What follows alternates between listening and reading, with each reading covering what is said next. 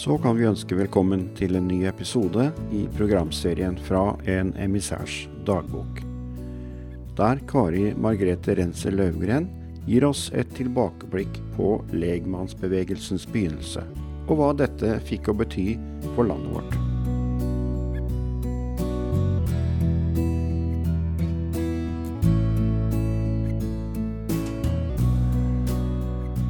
Vi går mot slutten av serien fra en emissærs dagbok, men noen punkter er nødvendig å ta med. Hvordan gikk det heime? Og kall til tjeneste, hvordan var dette for mor? Hun skrev ingen dagbok, men tror kanskje hun så det slik at dette også ble hennes kall. Jeg hørte ingen klage over at far skulle av gårde. Hun pakka kofferten, bar en støtte og sa at han har en tjeneste å fullføre. Godt er det å legge merke til at i tidligere folketellinger står oppført yrket emissærkone.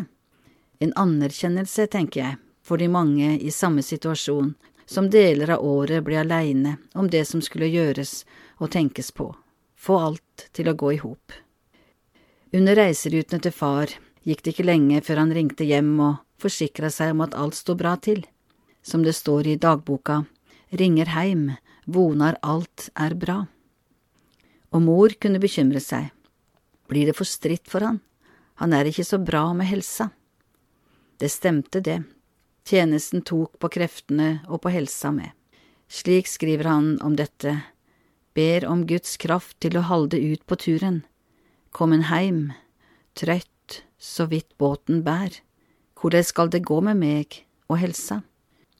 Nei, det er ikke godt å vite, og vi skal ikke idealisere men et offer og en pris var det å betale for dem begge.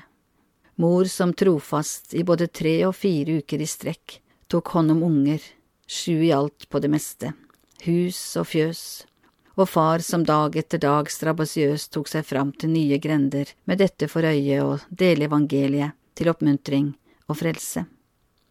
62 år gammel måtte han legge inn årene på grunn av Parkinsons sykdom et hardt slag for dem begge, og ti år etter døde han. Ordene fra 2. Timotius brev 4.7 om å ha stridd den gode strid, fullendt løpet og bevart troen, ble minneordene over han. Mor var enke i 28 år, til hun fikk hjemlov i 2009, 95 år gammel. I dette siste programmet blir det også naturlig å spørre, hva kan vi ta med oss av verdier fra emissærenes liv og tjeneste? Hva har vi mista, og hva kan vi ta lærdom av? Enhver kan ha sine tanker om det.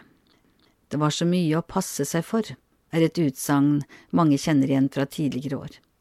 Ja, i frykt for å bli en del av verden kunne troen kjennes tyngende og smalspora, når både kino, idrett og til og med krøllspenner i håret kunne bli sett på som skadelig for vår sjel. En loviskhet ble dette, om enn godt ment for å bli bevart som troende.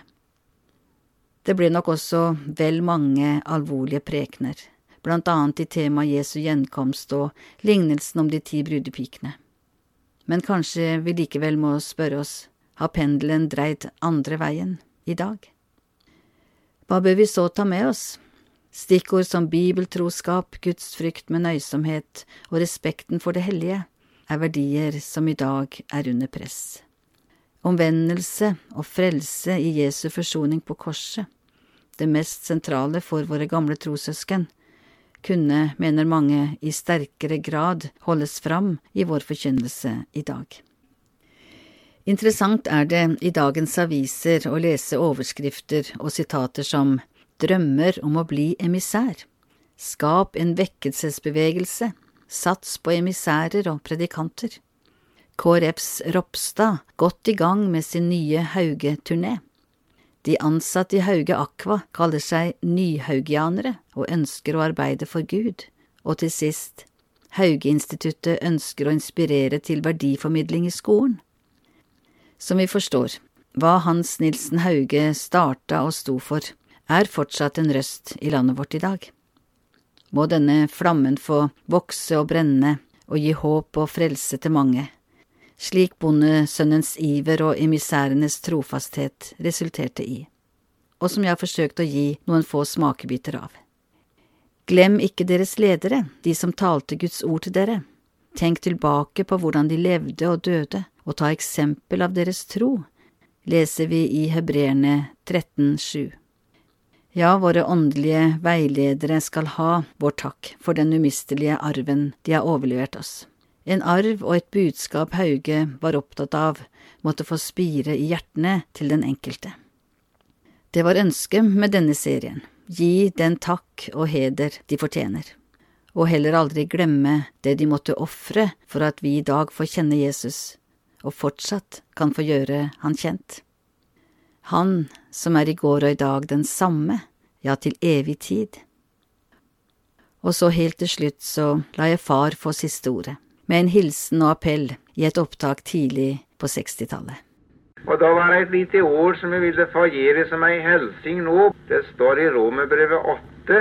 Så er det da ingen fordømmelse for den som er i Kristus Jesus. Når vi finnes i Han, så har vi ingen fordømmelse. Han har kjøpt oss fri både fra synden og fra dødens makt. Ja, jeg må si da at det er jo det som er noe å leve for her i verden. Så er dette her at vi kunne gripe det evige livet og komme frelst hjem til slutt.